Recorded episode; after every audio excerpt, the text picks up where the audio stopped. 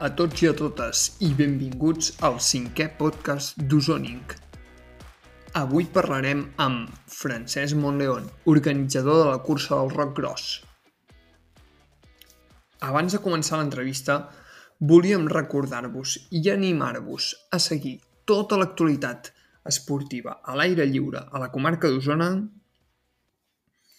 des de rutes... Ah, que per cert, a la nostra web www.usoning.com i a Wikiloc hem actualitzat i ja podeu trobar noves rutes de BTT, ciclisme de carretera, running, totes a la comarca d'Osoni. També podreu trobar moltes activitats, altres activitats al vostre aire i amb guies o professionals que us portaran per la comarca d'Osona i veureu paisatges magnífics. També us animem a que pugueu seguir a seguir-nos per les nostres xarxes socials, Instagram, Twitter, a arroba usoning barra baixa esport. O per qualsevol consulta ens podeu enviar un mail hola arroba usoning.com. Finalment, i si voleu recuperar els altres podcasts amb professionals de l'organització d'activitats esportives, els podreu trobar a Spotify, Breaker o Google Podcast. Bé, doncs, no ens enrotllem més. Anem a per l'actualitat. I és que el pròxim 27 de setembre tenim un esdeveniment outdoor a la comarca d'Osona. I és per aquest motiu que el pròxim convidat és en Francesc Montleón. Benvingut, Francesc. Hola a tots i a totes. Avui, al podcast d'Ozoning, coneixerem l'organització, els consells i les recomanacions per organitzar una cursa de running de la mà d'en Francesc Montleón. Benvingut, Francesc. Hola, bona tarda. Per qui no et, per qui no et conegui, qui ets i a què et dediques? Bueno, eh, em dic Francesc Montleón, visc a Hostalets, eh, treballo en una empresa d'automoció com a responsable de qualitat i com a hobby doncs, organitzo una cursa amb uns quants d'aquí, d'amics d'aquí del poble. Molt bé. Com, com es diu la cursa? La cursa del Rock Gros. Vale. Um, Explica'ns com, com vas arribar a ser, bueno, a, a organitzar una cursa perquè és, és curiós. Bueno, eh, fa això, doncs, uns 10-11 anys anàvem a córrer i hi havia moltes curses d'asfalt que veiem, però de muntanya no n'hi havia gaires. O sigui, hi havia, la, hi havia la cursa de la Vall del Congost, però curses de muntanya no n'hi havia gaires. I no, ens va passar pel cap, els que anàvem a córrer, que anàvem a fer curses, que bueno, podríem provar a veure si érem capaços d'organitzar una cursa si ens en sortiríem o no ens en sortiríem, si ens vindria gent o... bueno, a veure com aniria, a veure què. Mm, I bueno, ja portem 9 anys. No ens anat pas malament del tot. Petites, petites grans coses ben organitzades amb, amb gent ben avinguda que, que acaba sorgint una bona idea. Uh, a veure, el, el Roc Gros, per què la cursa del Roc Gros? Bueno, el Roc Gros és la muntanya o cim o turonet emblemàtic d'Hostalets, Uh, és, és el que és més tradicional, s'hi fa una pujada al Nadal portant un pessebre, és l'excursió típica dels nens de l'escola o de les famílies i llavors és el, és el cim emblemàtic que hi ha aquí. Vale. Uh, entrem una mica més en tema, va. Uh, comencem parlant a nivell més general o organitzatiu. Quins, quins creus que serien els punts claus a tenir en compte a l'hora d'organitzar la vostra cursa? Els punts claus que, de, que de la cursa és que nosaltres vam voler reproduir allò que quan anàvem a córrer ens volíem trobar, hi havia llocs que ens ho trobàvem, hi havia llocs que no ens ho trobàvem. El que ens agradava, doncs, ho vam copiar, i el que no ens agradava, doncs, vam intentar que fos diferent. Llavors, nosaltres vam intentar fer una cursa que fos pensada exclusivament per la gent que anava a córrer és la idea que teníem. Vull dir, som una colla d'amics que això no som una empresa que anem a guanyar calés ni res al contrari. Nosaltres som, no deixem de ser corredors i volíem fer una, una cursa per corredors que trobessin el màxim possible. Bons avituallaments, un recorregut maco, bueno, trobar-se el més a gust possible. Bàsicament aquesta era la idea. Aquesta era la idea principal. Yeah. Creus, que, creus que un dels punts claus és la bona compenetració que, que teniu entre, entre els organitzadors que sou? Clar, no deixem de ser una colla d'amics. Tots ens coneixem de fa molt temps, hem anat molt, molt a córrer junts, hem parlat molt del que veiem a les curses, cadascú llavors de l'experiència que té de les seves feines ha aportat moltes coses a la cursa, punt de vistes diferents i, bueno, mm, hem sapigut encaixar-nos entre nosaltres per tirar-ho endavant. La diversitat fa, fa la riquesa. Molt bé. Um, què la fa especial? Què creus que la fa especial? Perquè has parlat que, que, o sigui, que buscava una experiència diferent a tot el que vosaltres havíeu, us havíeu anat trobant quan anàveu a córrer i què creus que, que, que és el punt que determina que dius, ostres, és especial el recross perquè, perquè això, treu pit? No, no ho sé. Nosaltres vam trobar primer que, que no fos una...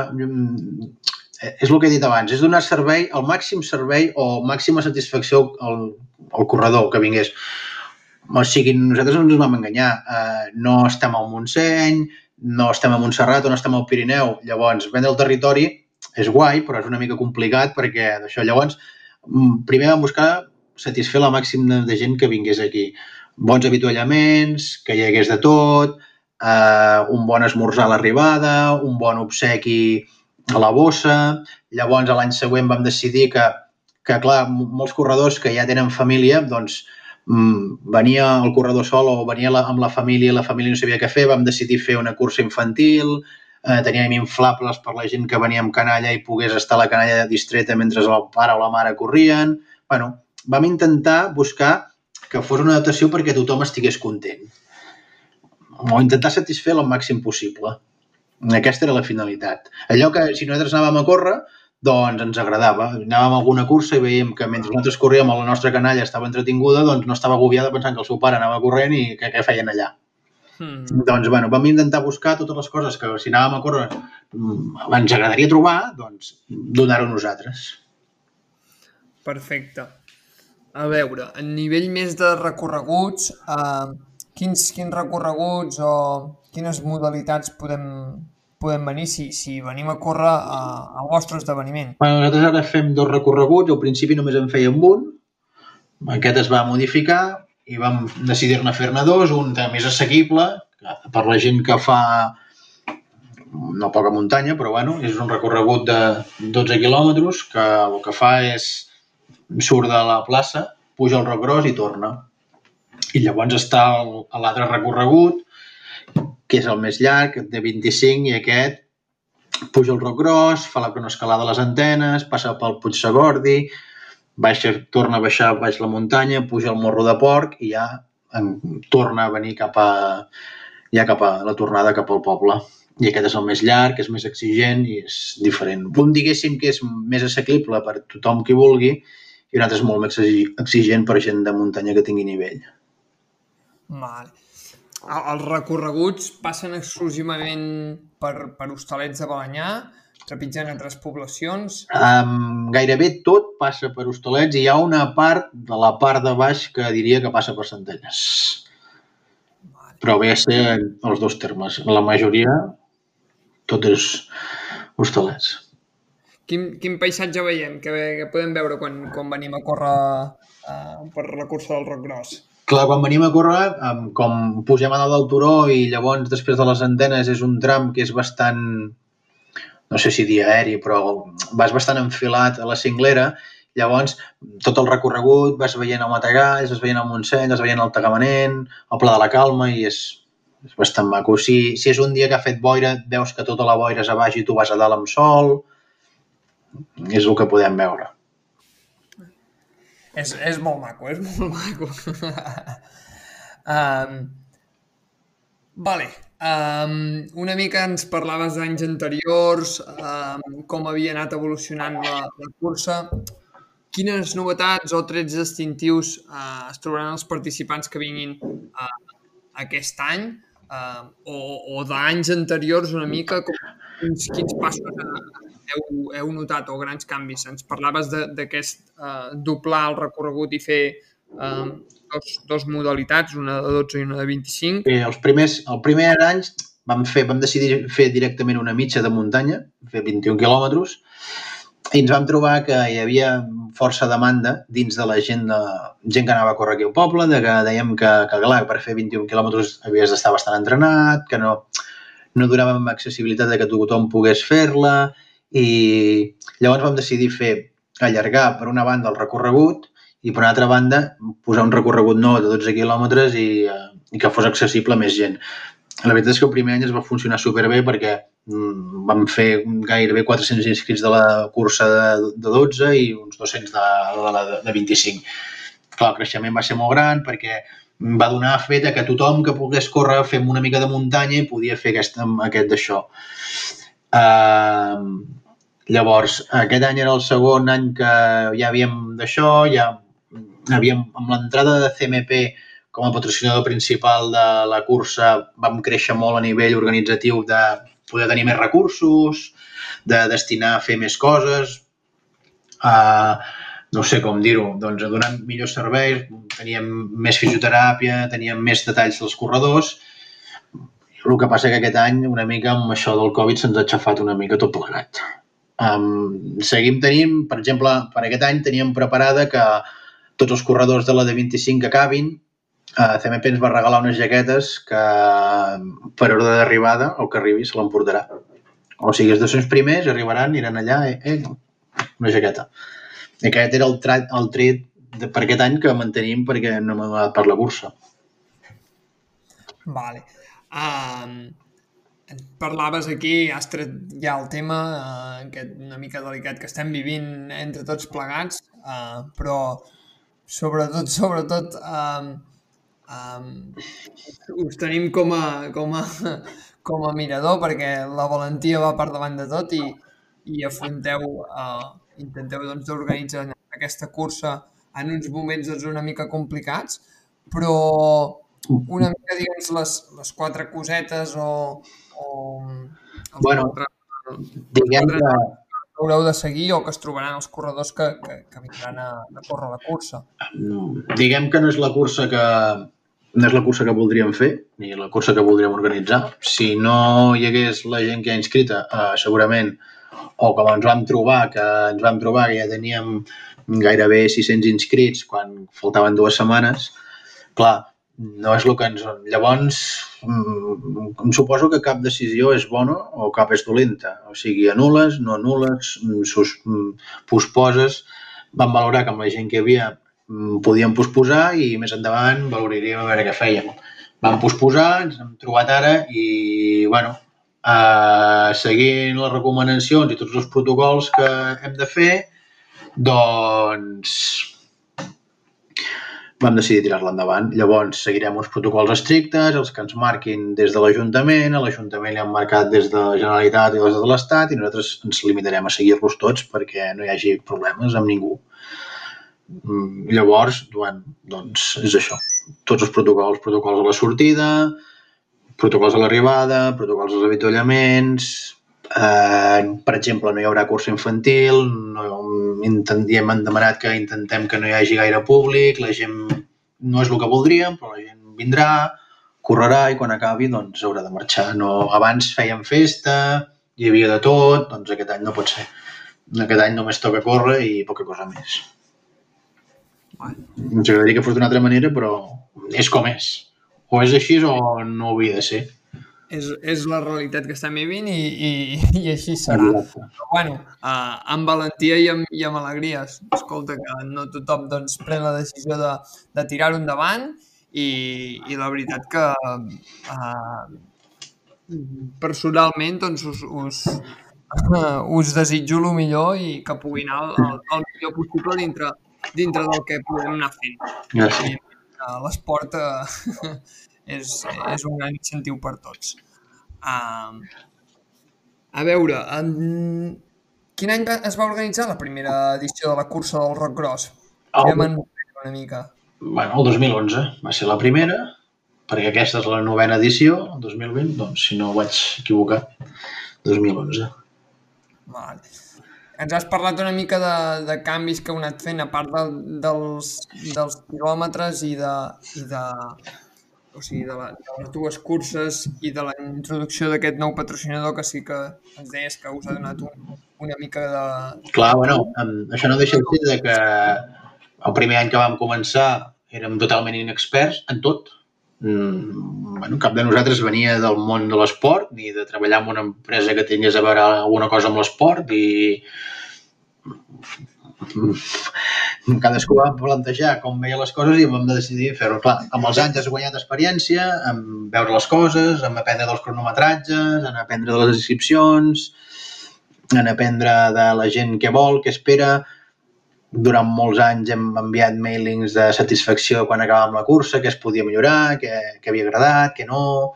I amb això vas aprenent durant tot aquest temps i llavors vas fent. Evidentment, nosaltres quan vam començar eh, no teníem el recolzament i vam començar amb res, amb el que ho teníem nosaltres. I clar, amb, amb els anys doncs, primer ens vam, ens, amb, primer vam tenir un patrocinador important com era l'Esports Base Estel fins que llavors vam substituir va ser CMP i clar, amb la crescuda d'ells doncs és, una, és important la injecció de capital que vam fer i llavors ens va permetre fer més coses donar premis en metàl·lic, com, donàvem, com vam començar a donar l'any passat pels guanyadors, que així intentar pujar el nivell de corredors de la cursa, intentar que, el, que la bossa del, del corredor fos el més, amb més quantitat d'obsequis possibles, no sé, els sortejos cada vegada que fèiem quan acabava la cursa hi havia més quantitat de premis i, i eren premis bons, buscant sempre una satisfacció al, al corredor. Bàsicament la idea de la cursa sempre ha estat aquesta. Mm -hmm. Estupendo. Um, per altra banda, um, hi, ha una, hi ha una part molt, molt important que bueno, n'has n'has deixat anar alguna pinzellada quan parlaves de, de que sou uns quants que organitzeu a, a, a aquesta cursa. Uh, suposo que, i com totes les altres curses i, i, i esdeveniments esportius, eh, hi ha una part molt important de, de voluntaris. Quan, amb, quan, amb quanta gent compteu o... Nosaltres creus que són som, tot... en tenim d'aquests voluntaris. Normalment són sobre uns 100 voluntaris cada any. Em sembla que amb les noves edicions que van gairebé sempre han estat els mateixos. Cada any en caben més contents, cada vegada volen repetir i sort d'aquesta gent perquè ens ajuden el dia de la cursa, és un dia mogut, és un dia que hi ha molta gent corrent pel bosc i aquesta gent doncs, ens ajuda moltíssim i és d'agrair el que ens fan cada any. Haver aconseguit que ens ajudin i cada any estan disposats a ajudar-nos, anys que ha plogut i eren igualment. Doncs nosaltres estem encantats amb els voluntaris. És una part molt important també, és també un, de, un dels punts claus que, que dèiem abans una mica, no? Sí. Francesc? Un dels punts claus que tenim a la cursa és que els voluntaris, sort d'ells perquè, hem pogut tirar endavant la cursa. I si, I si són fidels encara més, perquè tenen una mica més d'experiència cada any, suposo, ah, i bueno, saben...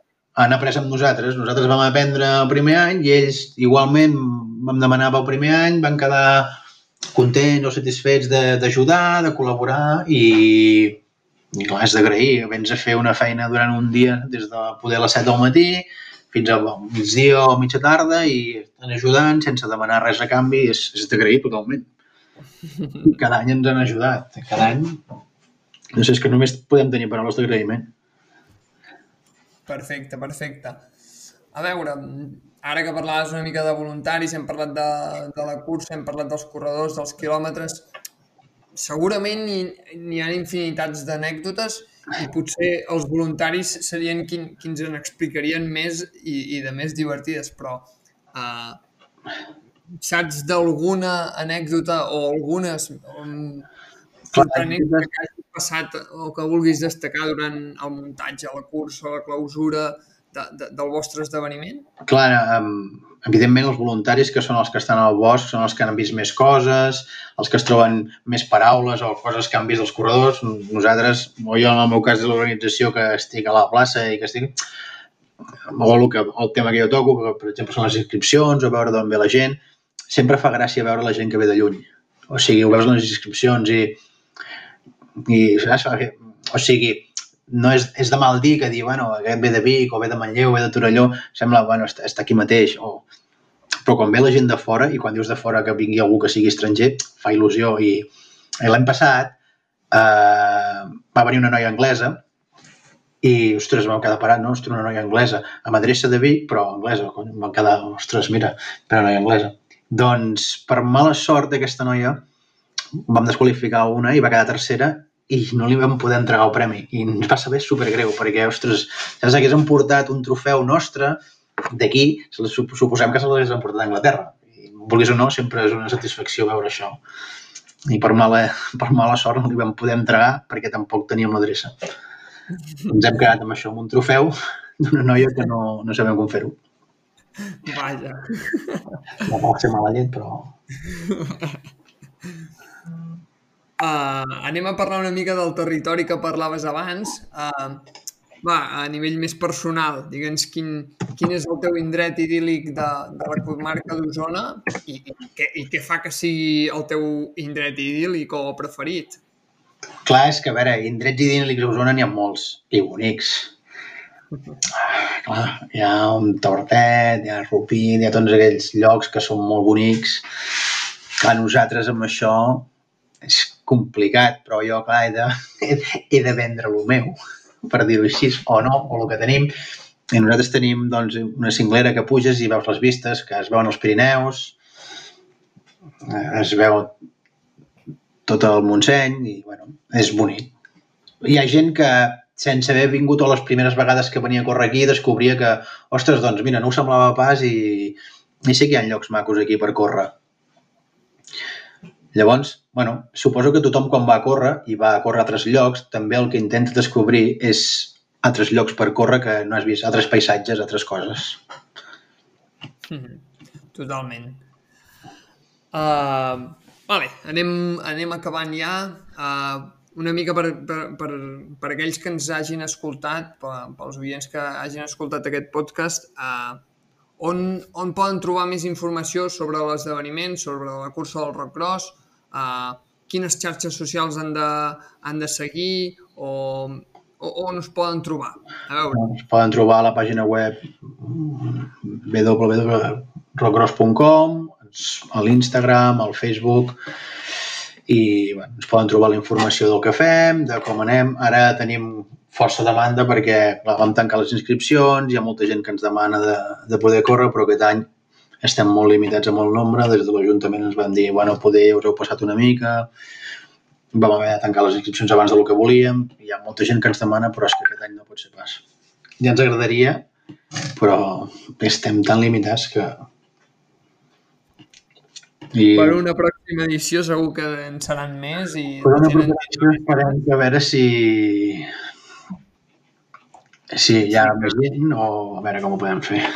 Exacte. Els animem a tots a, a que vinguin en, uh, si no és en aquesta, doncs a la, a la pròxima edició i que puguem uh, doncs, organitzar també la, la Copa Ozone Trail Run del, del 2021 i que, que com més millor doncs, vinguin a, a veure la, la comarca i a, i a disfrutar de, de la cursa del Roc Gros. Sí.